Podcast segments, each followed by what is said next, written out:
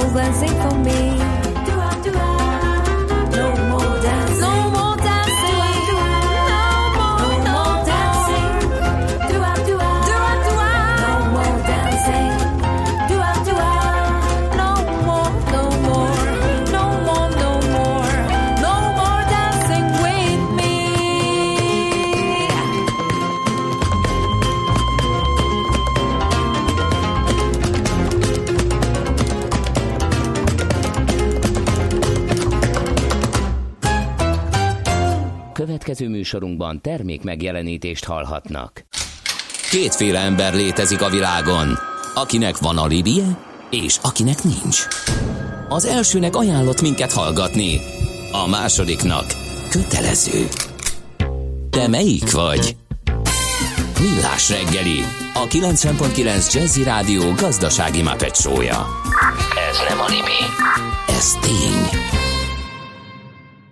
Szép öreget kívánunk mindenkinek 8 óra 9 perc, már 8 óra 10 perc van, ez itt a Millás reggeli a 90.9 Jazzin, és 0630 20 10 909 ezen az SMS számon és WhatsApp számon vagyunk elérhetők, csak úgy, mint az infokukacmillásreggeli.hu e-mail címen, és a millásreggeli.hu oldalon, ahol lehet nekünk üzenetet küldeni, szintén, mint, ugyanúgy, mint meghallgatni azokat a podcasteket, amelyek itt a műsorban elhangzó témákból készülnek a stúdióban Mihálovics András. És a stúdióban Kántor Endre. Szevasz! Na. Láttalak. Uh, jött két közlekedési információ, amely releváns lehet mindenki számára. A Hungária körgyűrű oda-vissza tele, ezt András írta, illetőleg Pötyi jelezte, hogy az 51-es út Dunaharaszti felé rosszabb, mint az Elm utca. Azaz horror. Rémálom, igen, rémálom. rémálom igen. Így van. Na jó, mivel hétfőn van, ilyenkor utazni szoktunk. Taxere, Virgilendir meg, Steyer, Beskatta, Gravár, Belastingen. Kell tolmács. Éppen külföldre készülsz vállalkozásoddal? Szeretnéd tudni hol, hogyan és mennyit kell adózni? Adóvilág. Ismerd meg a világországainak adózási sajátosságait a Millás reggeli világjáró adó rovatával. Mert semmi sem biztos, csak az adó. Valahol még az sem. A vonalban itt van velünk a BDO Magyarország ügyvezetője, adótanácsadó partnere Gerendi Zoltán. Szervusz, jó reggelt kívánunk! Jó reggelt, sziasztok! Na hát, ahogy mondtuk itt a kedves hallgatóknak, ér- érdekes országok következnek adóvilág utazásainkban. Például elmegyünk most Bakuba, illetve hát Azerbajdzsánba. Így van. De gyakorlatilag Azerbajdzsán ez egy nagyon régi terület, egy régi iráni területből, tehát egy, egy, egy a, a, kaza, tehát a kaukázus alatt vagyunk, hogy mindenki előtt nagyjából világos legyen, és egy történelmileg eléggé hányatott terület, amelyik a 19. században nyert jelentőséget, és az jelentősége az olajhoz fűződik, de méretét tekintve egyébként a mai Azerbajdzsán egy 10 milliós nemzet, körülbelül is egy 86 ezer négyzetkilométer nagyság tehát egy Magyarországhoz jól hasonlítható ország. Most Azerbajdzsán, mint állam, az csak a, gyakorlatilag 1918 óta létezik, és aztán 20-ban meg is döntötte őt az orosz forradalom. Tehát gyakorlatilag egy nagyon rövid életű állam volt, de mégis a történelme régebbi is. Azerbajdzsán azért érdekes, mert a Bakuban gyakorlatilag, amíg Amerikában tombolt a, úgymond az olajláz, addig Európában vagy Kis-Ázsiában ez Bakuban zajlott le, mégpedig egy olyan család vezetésével, akik gyakorlatilag ugye egész más voltak, híresek a Nobel család hm. kapcsán. És a Nobel családnak több ága volt, ők orosz szári nehézipari beszállítók voltak, és az orosz-török háborúban olyan szinten eladósodott nekik a szár, amit egyébként megnyert ezt a háborút a törökökkel szemben, hogy koncesziós jogokat kaptak, és hát gyakorlatilag a Nobel testvérek Petroleum Társasága Bakuban, az a korában az egyik legnagyobb kitermelője volt a, az olajiparnak. Az ő pecsük az volt, hogy gyakorlatilag a Lenin megdöntötte őket, és ők 18-ban elmenekültek. Gyakorlatilag azt, azt kell tudni, tehát ők már az azeri állam létrehozásakor nem voltak ott, de a társaságnak egy részét eladták az akkori Standard Oil-nak, ami a, a Rockefellernek a cége volt, és így gyakorlatilag a, a, az olajipari érdekeltségek fennmaradtak. Ez azért érdekes, mert nagyon erős skandináv kötődése van ennek a Aha. államnak, és a Nobel, a Nobel család villája ma is egyébként szerintem a fő látnivalók között van Bakuban. Ez egyébként az országnak nagyjából az egyik fő szempontja. Az ő olajiparuk annyira erős, hogy a 20. legnagyobb olajtartalékkal rendelkeznek a világon, ez 7000 millió hordó, csak úgy összehasonlításképpen a legnagyobb a mai ismert olajtartalékok közül az Venezuela, az 300 ezer millió hordóval, tehát azért az kb. 45-szöröse a uh-huh. ennek. Tehát Oroszországnak van mondjuk egy 80 ezer millió hordós olajtartalék, tehát Bakunak nagyon jelentős, tehát Azerbajdzsánnak nagyon jelentős olajipara van, és ez egy elég komoly jólétet produkál ennek az országnak. Emellett egyébként még a mezőgazdasága nagyon erős, nagyon sok minden, tehát a, a földterületünknek azt hiszem az 50% a mezőgazdaság művelése alkalmas, ami abban a régióban egyedülálló. Ennek ellenére egyébként az olajiparuknak a fő probléma az, hogy őket rengeteg nagy vezeték elkerülte, és azért a, a, az igazi felendülés nekik ez a Bakut Vilisi és a törököknél azt hiszem Csejhán, vagy hogy hívják, ahol becsatlakozik Igen. az ő vezetékük, mert egyébként őket a különböző áramlatok abszolút elkerülték. Egyébként a Sejem út is alattuk ment el, tehát ők, ők, ők Pont kikerültek belőle. Igen, tehát pont uh-huh. egy ilyen, ilyen perifériális rész volt, de már úgy tűnik, hogy egy nagyon, eh, nagyon szép fejlődésen eh, keresztül mennek. Hát át. hogy is ne? Hát, eh, hogyha visszanézzük az adatokat, 2005-től például olyan ipari termelési növekedés ütem van, vagy GDP, hogy ilyet régen láttunk, tehát GDP-ket néztem, 26,5 százalék 2005-ben, 34 százalék 2006-ban, 25 százalék 2007-ben, tehát ezekben az években elképesztő beruházások és fejlődés ment. Az ipari termelés az meg ilyen 50 százalék százalékos emelkedéseket mutatott.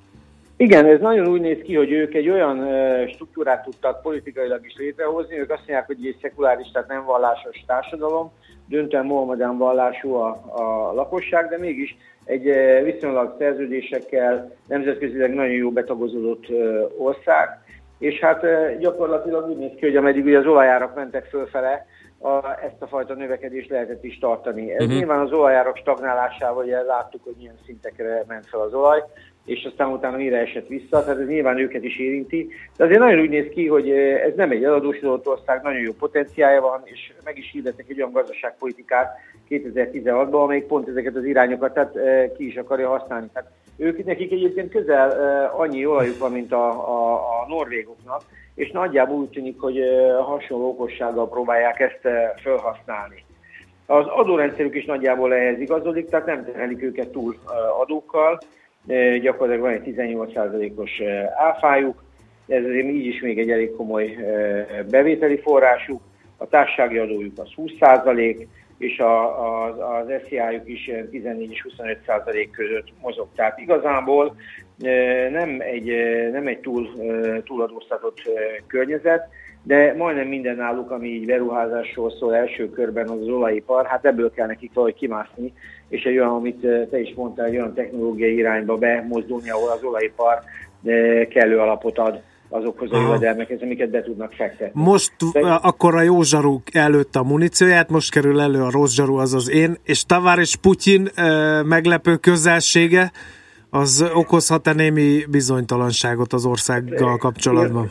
Én, én úgy gondolom, hogy, hogy azt tudjuk, hogy a, a, a karabaki környék, tehát ez az Azerbajdzsán, Örményország, ez itt a magyar belpolitikában is előkerült egy pár vonatkozás, ennek volt az azt hiszem az a gyilkosság, tehát itt rengeteg, rengeteg, ez egy nagyon feszült környék szerintem. Én ahogy látom a, a Glassnoots után, tehát a, a, a leválását, a függetlenedésüket, követően az orosz szenhatóság az nyilván valami indirekt módon legalábbis Putyin oldaláról biztos megvan, de, a, de gazdaságilag szerintem olyan nagy jelentős érdekük nincsen, mert nekik lényegesen több van, meg szerintem az erőüket sokkal máshova kell koncentrálni. Tehát azért több mint 12-szer annyi olajuk van, mint, mint, mint Bakunak, vagy mint Azerbajdzsánnak. Szerintem ott inkább az a lényeges dolog, hogy a, az iráni, tehát egy olyan környezetben van ez az ország, ami, ami, ami feszült. Tehát déli szomszédja Irán, akkor ott van Grúzia, akkor ott van részben Törökország, részben Oroszország is, szóval itt azért nem egy könnyű dolog jó politizálni, de én úgy látom, hogy az azeriek most ezt elég jó, ügyesen csinálják, és hát próbálnak nyitni rengeteg szempontból turizmus, mindenben, ugye most volt a hétvégén a Forma 1 futamot, ami szintén elég erős. Tehát szerintem gazdaságilag ez egy vonzó térség, az orosz fennhatóság nyilván valamilyen szinten megvan, de én úgy látom, hogy, vagy befolyás, de én úgy látom, hogy az ország a saját útját járja, és, és ezt hagyják is neki. Jó, meg fogjuk nézni akkor, hogy külpolitikailag mi a szitu. Köszönjük szépen Zoltán így az összefoglalót Azerbajdzsánnal kapcsolatban, és akkor beszélünk Nagyon a jövő héten. Köszönjük. Szervusz. Gerendi Zoltánnal beszélgettünk, a BDO Magyarország ügyvezetőjével, adótanácsadó partnerével, adóvilág rovatunkban Azerbajdzsán a célországunk.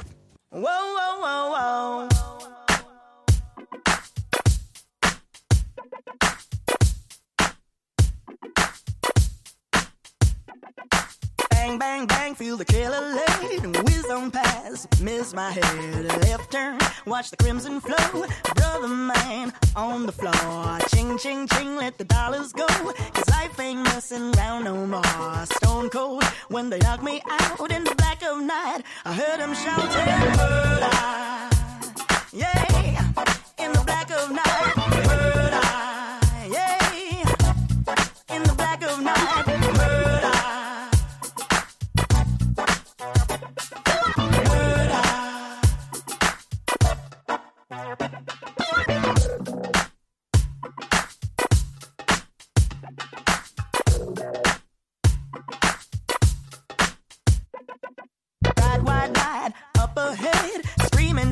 that I dread. No one but me to be a witness to this tragedy.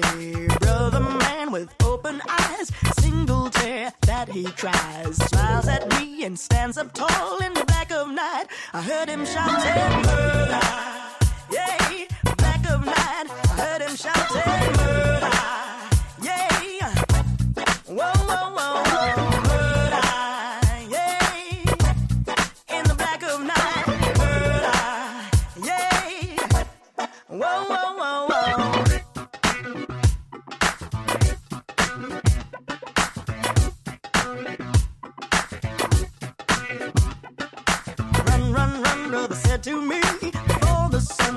Samadhi finds you here in this place. Hey, look now on his face. But before I could go, the villains they returned for more. The clock did stop, dead on four in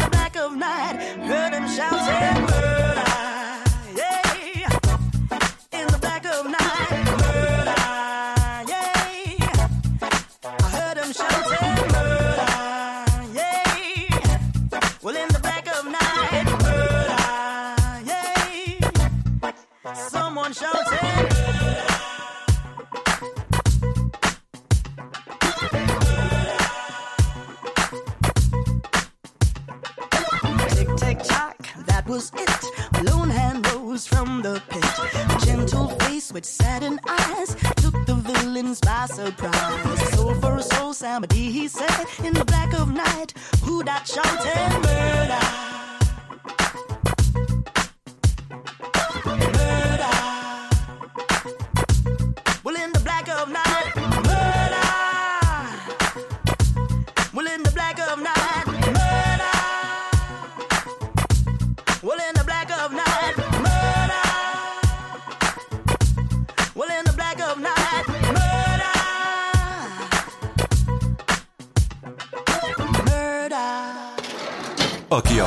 Utaztatja, legyen felkészülve. Folytatódik az adóvilág a millás reggeli adószótára. Érdekességek, adózási szokások, geopolitikai helyzetkép. Hát elképesztő érdekességek történnek itt Azerbajdzsán körül. Dr. Feledi Botond külpolitikai szakértőnk itt a vonalban. Szervusztok, jó reggelt De kívánok! nekünk magyaroknak már csak a baltásgyilkos jut eszünk be erről az országról sajnál- sajnálatos módon. Tényleg nekünk most milyen a viszonyunk? A barátok vagyunk, nem? Barátok vagyunk, nem? Már, Azerbajdzsánnal is, ugye, ugye a közép-ázsiai régió alapvetően a keleti nyitás jegyében eh, fel lett barátkoztatva, úgyhogy eh, hát a baltás gyilkos esete az nyilván egy eh, elég jó antré volt uh-huh. a Ilham Aliyev szívéhez, tehát a eh, azeri elnökhöz. Talán emlékeznek a hallgatók is, amikor ugye a egyébként örmény szobatását egy NATO képzésen éppen Magyarországon éjszaka egy baltával oltotta ki eh, Szafarov, eh, és ugyan elítélték itt van életfogytig tartó egyházbüntetésre, de amikor visszavitték eh, Azerbajdzsánba, akkor azon nyomban hősként fogadták, és amnestiában Mhm. részesítették. No, de ebből ez az érdekes, hogy ez a feszültség, gyanítom, a két ország között nem szűnt meg, nem? Hajaj, nagyon nem. Tehát igazság szerint időről időre abszolút több tucatnyi áldozatot követelő lövöldözések a mai napig kitörnek.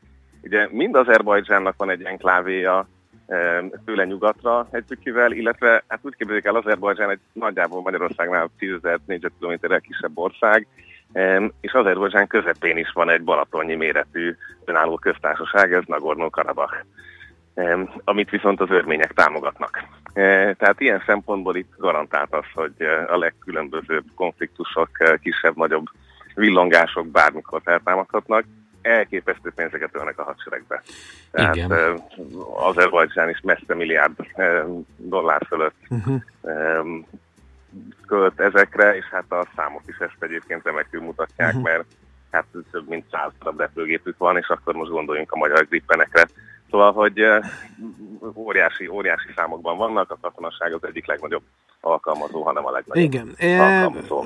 A Putyinnak nincs rá hatása, hogy itt azért olyan nagyon nem érgessedjen el a, a helyzet, mert hát azért ez neki nem jön jól, hogy ott a hasa alól milyen tűzfészkek támadnak fel, hiszen azért Azerbajdzsánon túl azért ott a közel-keleten van éppen elég paláver, úgyhogy nem biztos, hogy a közvetlen szomszédságában jó lenne. Tehát, hogy így az orosz fennhatóság mennyire van jelen ebben a, a két egykori szovjet tagköztársaságban. Hát Tulajdonképp abszolút, és lehet, hogy a ráhatás eredménye, hogy csak ennyire van konfliktus.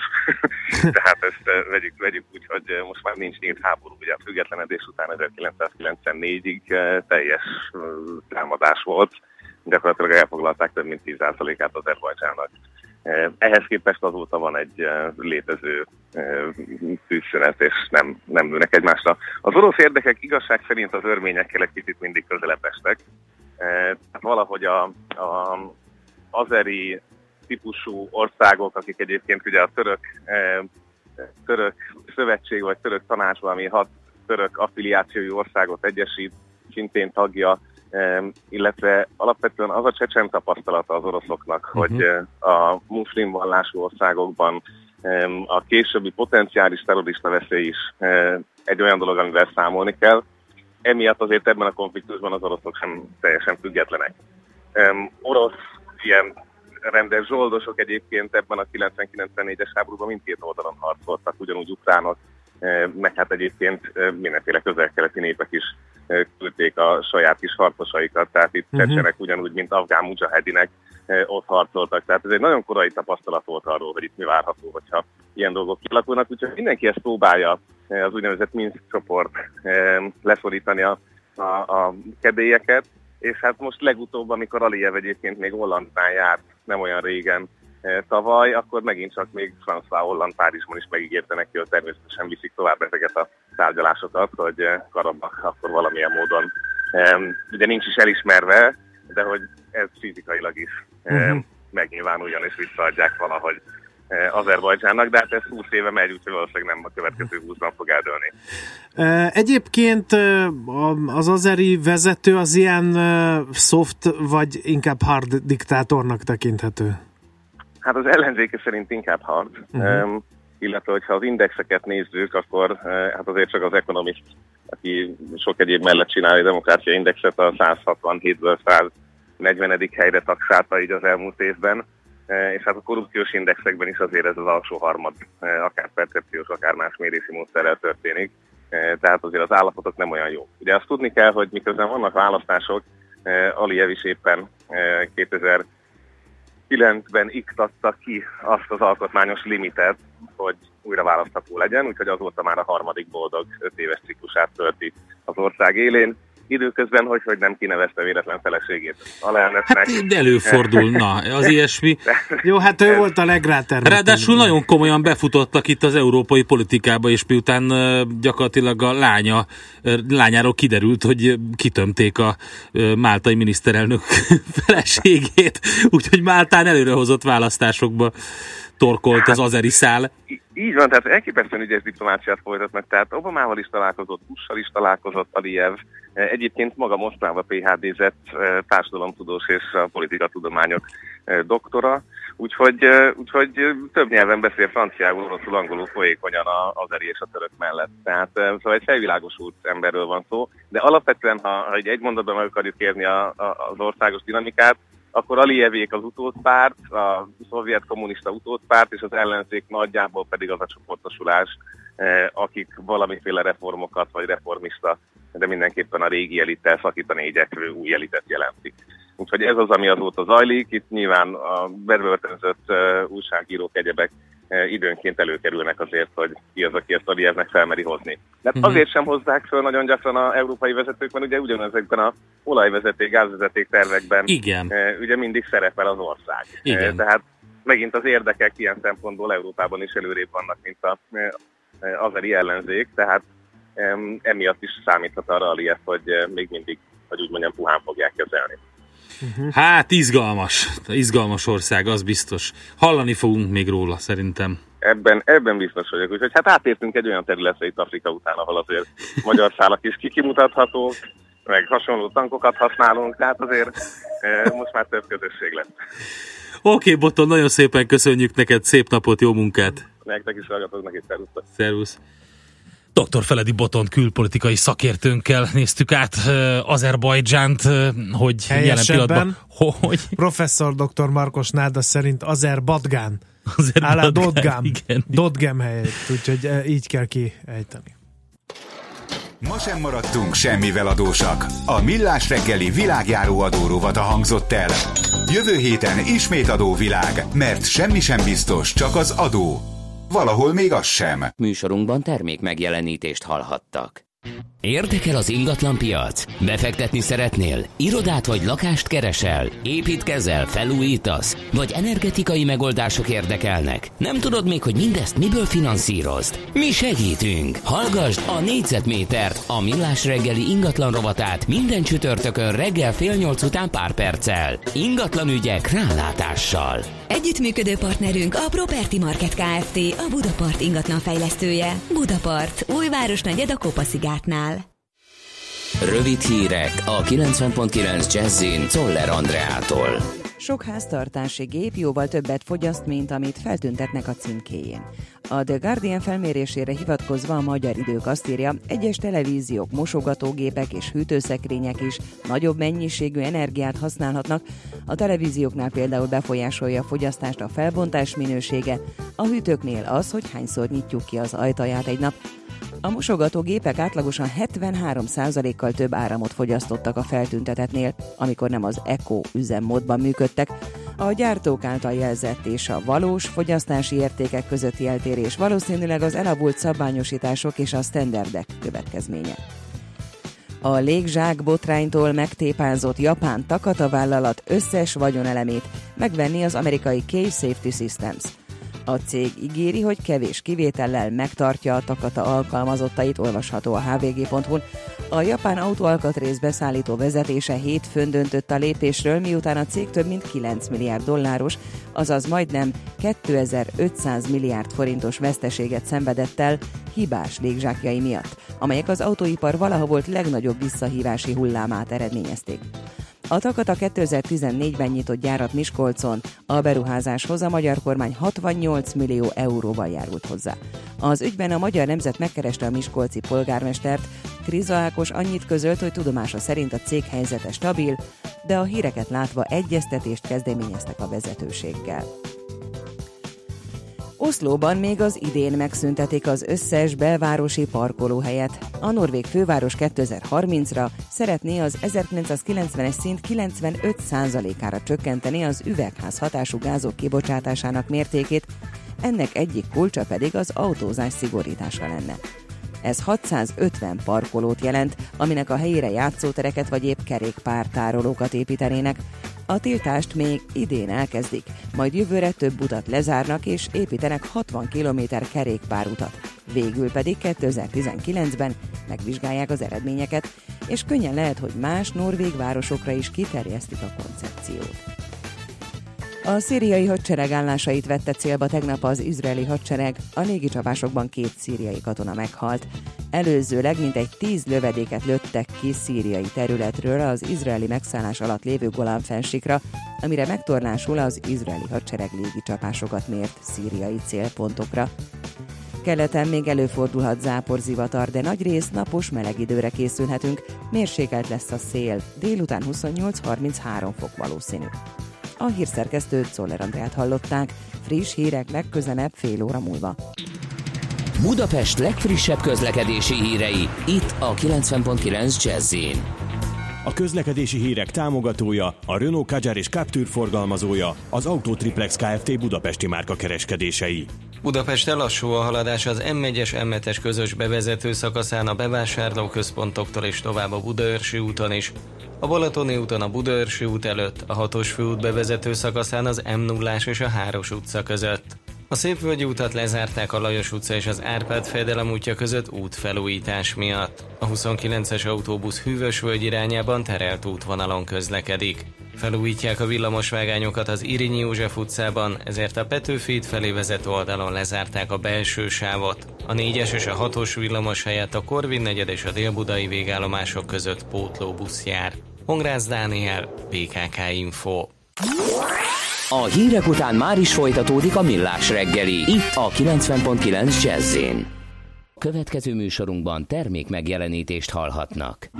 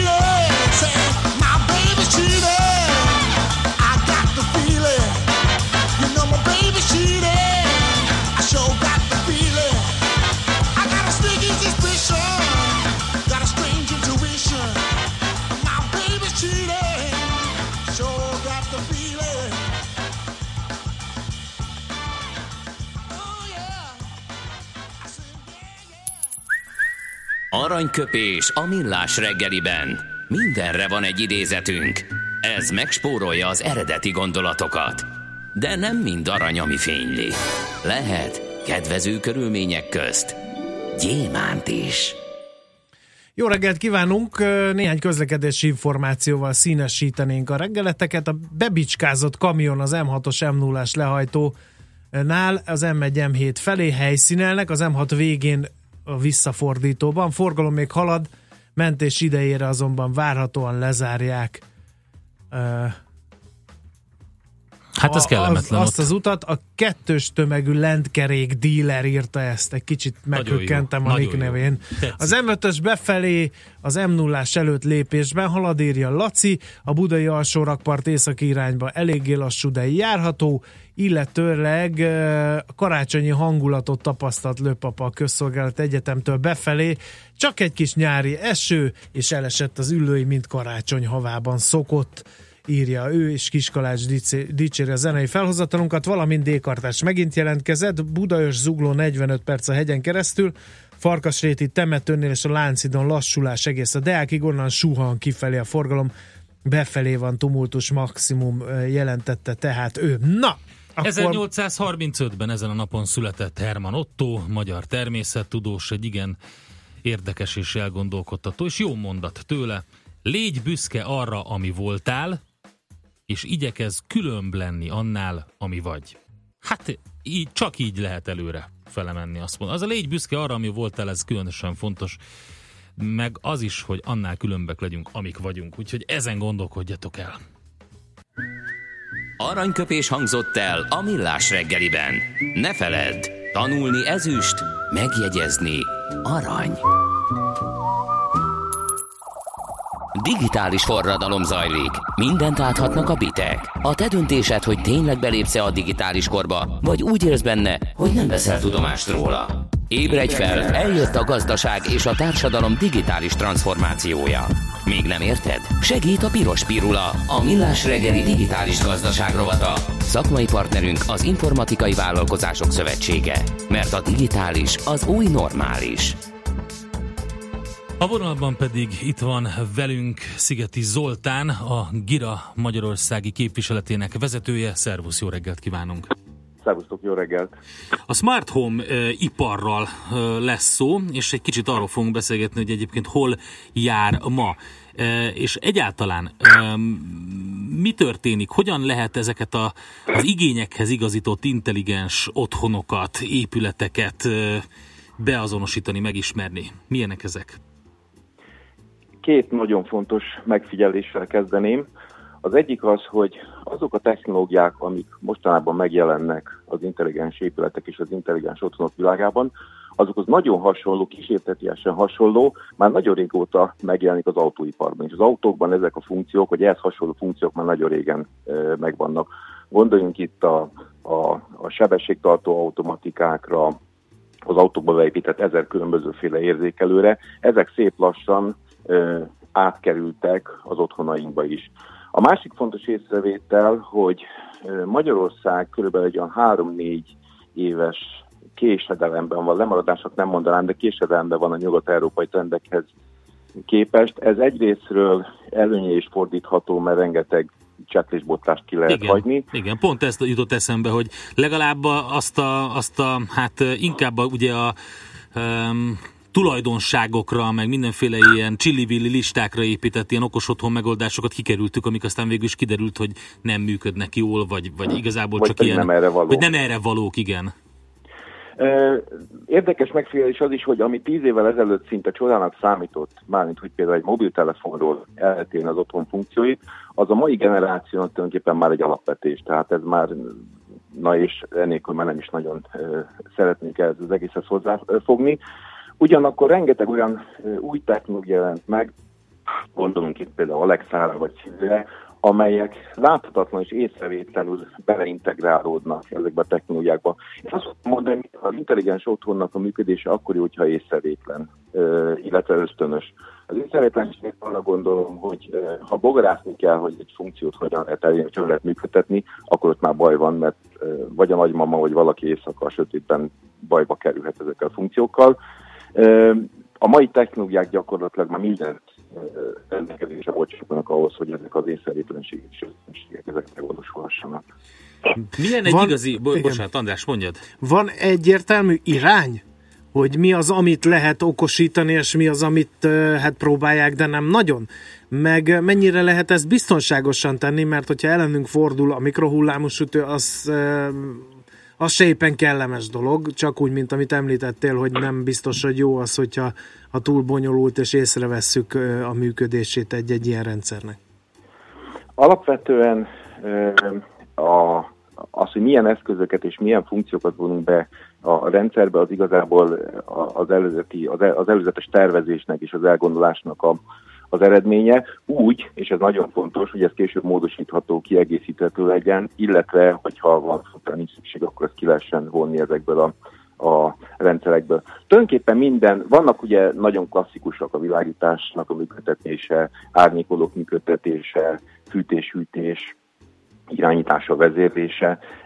Ami igazából érdekes ez lenni, hogy ha megfelelő technológia van ezek a funkciók alatt, akkor ezeknek a kohéziója hozhat plusz olyan szolgáltatást, ami egyrészt kényelmes, másrészt biztonságos, harmadsorban pedig egyfajta energiatakarékosság és energiahatékonysági relevanciája is lehet. Ezek a, egyébként a legfontosabb ismérvei egy intelligens otthonnak, hogy ezért csináljuk, hogy energiatakarékosság legyen?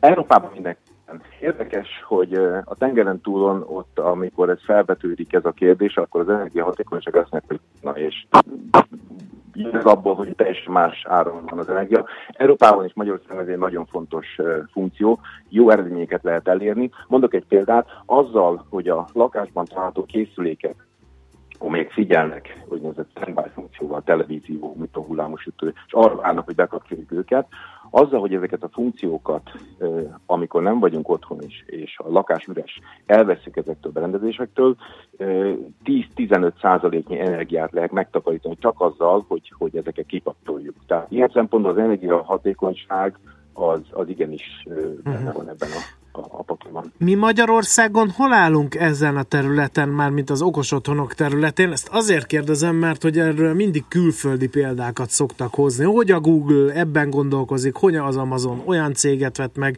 tehát ez ilyen nagyon messzinek tűnik a mai magyar rögvalóságtól. A magyar piac kicsi piac. Ebből a szempontból is kicsi piac. Vannak nagyon jó helyi kezdeményezések, azonban két dolgot nem szabad elfejteni. Az egyik, hogy ahhoz, hogy egy ilyen rendszer jól működjön, annak úgy kell működnie, mint a Kejfej Jancsinak. Tehát bármi történik a rendszerrel, ami nem a megszokott, egy idő után, hogyha a környezeti paraméterek helyreállnak, akkor a rendszernek vissza kell állni a, a stabil működésbe, nagyon fontos magától. Ez e, akkor történhet meg, hogyha van egy olyan alapműködési infrastruktúra, ami ezt lehetővé teszi. Erre van egy nemzetközi szabvány, az intelligens otthonok, ha erre épülnek, akkor ez teljesül. Tehát ilyen szempontból ez egyfajta biztonságot jelent. A másik pedig, hogy azok a bevont funkciók, amelyeket egy lakáson belül, egy épületen belül működtetni szeretnénk, azok egyrészt eszköz oldalról támogatottak legyenek, tehát a lámpák, a kazán, az árnyékolók ezeket működtetni tudják, illetve legyen egy olyan felület, egy olyan kezelőfelület, amit a felhasználó az előbb említett észrevétlenséggel és ösztönösséggel együtt működtetni tud. Nagyon fontos, hogy nem szabad kizárólag a mobileszközökre hagyatkozni, hiszen azokkal bármi történhet, lemerül a, a, az akkumulátoruk, nem elérhető a működésük. Mind legyen olyan fali funkció, amelyel a házat biztonságon működtetni lehet. Uh-huh. Ha ezek megvannak, akkor gyakorlatilag az itthoni állapotok, itthoni körülmények között ugyanolyat lehet alkotni, mint bárhol máshol Egy kérdés, mennyibe kerül mindez, mert lehet, hogy az a szabgátat a magyar elterjedésnek, hogy ezek a megoldások drágák.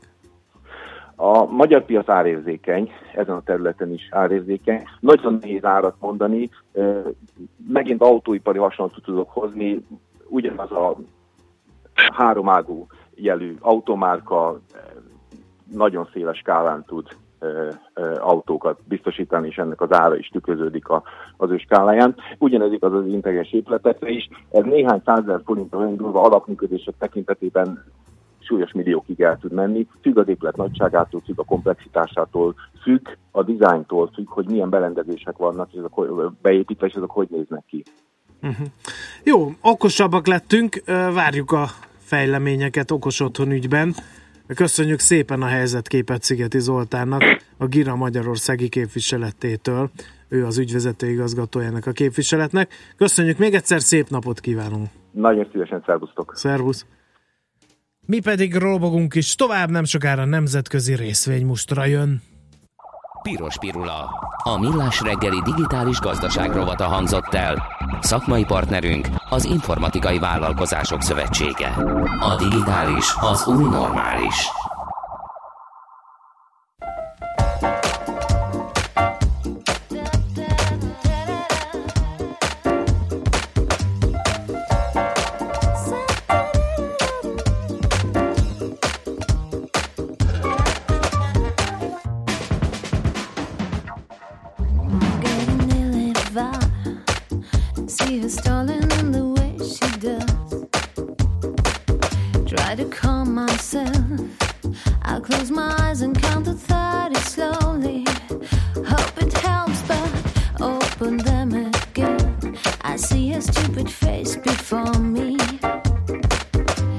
She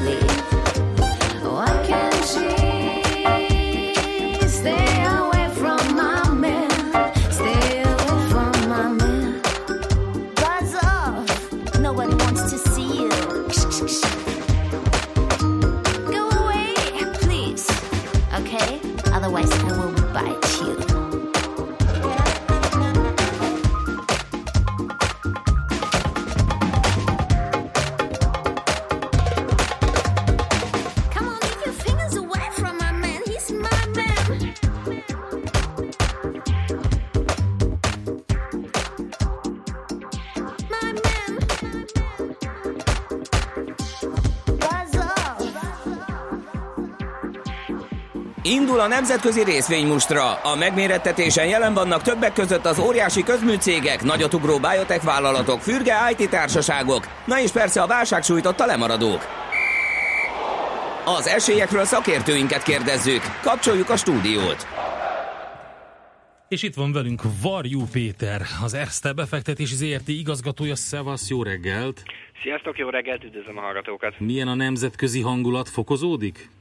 Fokozódik, fokozódik, már amennyiben itt a nyári kánikulában látható plusz-minusz egy-két pontokat e, megszoktuk már, most 0,3% körüli plusszal kíván nyitni a német piac, és Ázsiában is inkább egy pici pluszokat láthattunk. Inkább azt mondom, hogy a szokásos kerékvágásban haladunk uh-huh. tovább. Jó, hát Ám nincs ilyen eszeveszett csapkodás akkor ebben a melegben. Hát nincs. Sőt, igazából ilyenkor általában már megül a piac, aztán a augusztusi amerikai gyorsjelentési szezonig egy kicsit úgy csendesebb lesz. Hát meglátjuk idén uh-huh. is Mhm. így lesz, mert azért idén sok népi megfigyelés borult meg például. Hát, ez a hát figyelj. klasszikus májusban adjál, aztán menj nyaralni. tényleg ezt akartam kérdezni, hogy aki májusban eladott a, az rosszul járt, kimaradt egy elég ö, lendületes egymenetből. Hát ettől Nem? szép ez a tőzsde világa, hogy Mhm. nem tudsz ennyire. Ha az az elmélet is megdől, hogy kinyeri az NFL-t, és abból lehet majd ö, következtetéseket levonni a tőzsdei teljesítménybe, akkor a visszavonulásomat kezdem el fontolgatni, mert a régi jó dolgokból nem marad semmi. Na de, kicsit több tartalmat szolgáltatván kérdeznék arra, hogy van-e valami, legalább valami vállalati sztori borzolja a kedélyeket. Az viszont van egyébként Na, bőven. Isten. Milyen is kezdjem, mivel is kezdjem? Talán kezdek egy olyan, amiben egy elég éles elmozdulás fogunk az árakba is látni, legalábbis így az indikációk szerint. A Lufthansa Air Berlin közötti, hát zárójelbe vagy idézőjelbe tett csata, jelenleg a Lufthansa 0,4% plusz, az Air Berlinnek azonban 8,9% mínuszt indikál.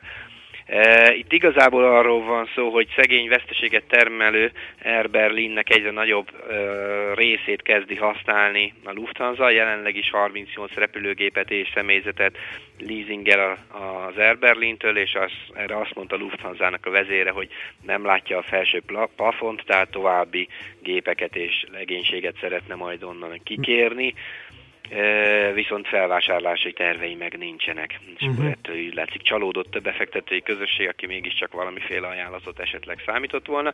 Hirtelen felzúdultak a, az utazási irodák, a, illetve például a rivális Ryanair, hogy azért ez így nem szabályos, és hogy azonnal versenyjogi intézkedéseket nézzenek gyorsan, meg nem -e itt valamiféle monopólium kiépítésről van-e szó. Hát ez egy érdekes sztori minden esetre, igen. És van is a Ryanair mög- véleménye mögött valami, tehát hogy életben tartjuk azzal, hogy béreljük a gépeket, aztán majd ha jól megy a szekér, és jön, akkor szabadjára engedjük megint, szóval ez egy érdekes történet, igen. Hát igen. Jó, mi a következő? De ha belenézel, bocsánat, akkor csak No. azért, hogy a, a tavalyi évben e, majdnem 800 millió euró bukót halmozott föl szegény Air Berlin, Uh-huh. úgyhogy eh, ne, kell is neki ez a bizonyos köldögzsinór, ha jól belegondolunk.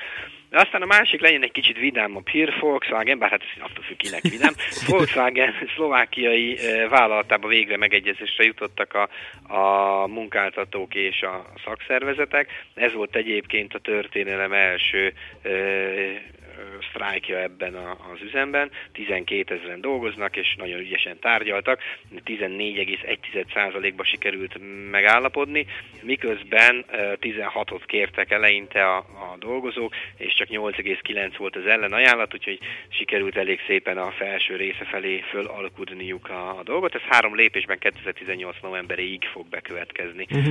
Ja, ami, amitől ez izgalmas lett, az, az hirtelen elkezdett aztán a, a piac meg a világ erről beszélgetni, hogy, hogy Szlovákia az, a legnagy, az az ország, ahol a világon a legnagyobb az autóiparnak a, az aránya egy főre jutóan, hát ezt jól megfogalmaztam, de azt hiszem értitek, és azzal, hogy esik a, a munkanélküliség, elindult fölfelé a fizetési igény, és ezzel vajon itt a régiónak a, az olcsó munkaerő státuszát ez mennyire fogja megborzolni, Ugye egyik oldalról azt mondják a szlovák munkavállalók, hogy negyed évszázaddal a kommunizmus bukása után még mindig sokkal kevesebb pénzt kapnak ugyanazért, mint a nyugati társaik.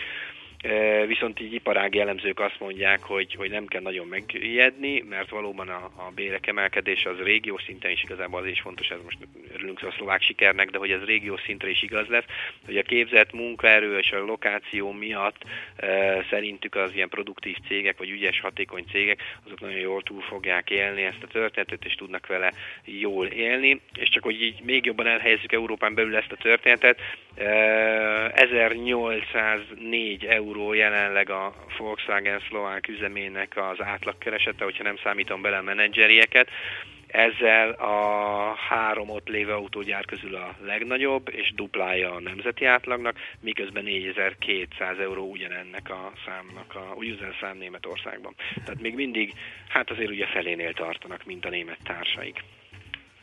Igen, oké, okay. Ezt is pipáltuk. Aztán még hoztam nektek egyet, amire szerintem érdekes figyelni, ezek bár ugyan nincsenek a béta piacon ide-haza, de azért szerintem izgalmas történet, egy kis ola, észak-olasz bankmentés illetve ha már bankoknál tartunk, majd ebből több hírem is lesz, de kezdjük az észak-olaszokkal, ha már így beharangoztam. A Banco Popolare di Vicenza és a Veneto Banka sorsát illetően megoldásra jutottak. Ezeket e, jelképes egy euróért az Intesa San Paulo fogja megvásárolni, az viszont 4,8 milliárd eurós tőkeinjekciót hajt végre az olasz állam ebben a, a San Paulo-ba és ez azért nagyon fontos, hogy nehogy romoljon az ő tőke helyzete. Ez a régió, Észak-Olaszország, Veneto régió számára ez nagyon fontos, ez a kulcsfontosságú igazából a bankoknak az életben maradás, és nehogy onnan induljon valamiféle lavinaszerű mozgás. És ha már itt tartunk a bankoknál, utolsó hírnek hoztam, és, és ez is szerintem egy nagyon izgalmas és fontos hír, hogy a, a Commerzbankot gyorsan tegyük helyre, péntek délután itt jött egy, egy hirtelen rossz ne, másik negyedéves indikáció, amire jó nagyot estünk is, majd aztán egy picit visszább, és hogy értsük, hogy miről történik, vagy mi történik, a Commerzbank azt mondta, hogy ő 810 millió eurós költséget a másik négy évben el fog könyvelni. Ez egy egyszeri nagy mínusz lesz, elég csúnya számot fogunk látni. Ettől gyorsan megijedtünk, de aztán, ha belegondolunk, ő korábban azt mondta, hogy 2017-ben és 2018-ban összesen 1100 milliárd eurós átalakítási költséget fog elkönyvelni. Ehhez képest most olyan ütemben megy az átalakítás, hogy nem fogja két évig elhúzni, puff ebben a négy évben az egészet belerakta, és csak 810 millió. Tehát hát akkor ez az a rossz hír, ami aztán, ha mögé nézzünk, valójában elég komoly jó hír, mert faragott Igen. le az átalakítási költségekből nem is keveset. Hát ez a 290 millió euró mm. részvényenként nagyjából 23 centet jelent, tehát hogy ennyivel kevesebb lett a várthoz képest, és egyszerűen az, hogy most gyorsan ö, beírják a könyvekbe, ez azt is jelenti véletlenül, és mi úgy gondoljuk, hogy ezt ki lehet olvasni sorok közül, hogy, hogy annyira gyorsan megy az átalakítás, és olyan tempóba javul az egész, hogy nem vaszakol vele, hogy itt évekig elhúzogassa a dolgot. Úgyhogy szerintünk pozitív a hír. Na, jó van, oké, figyelni fogunk akkor ezekre.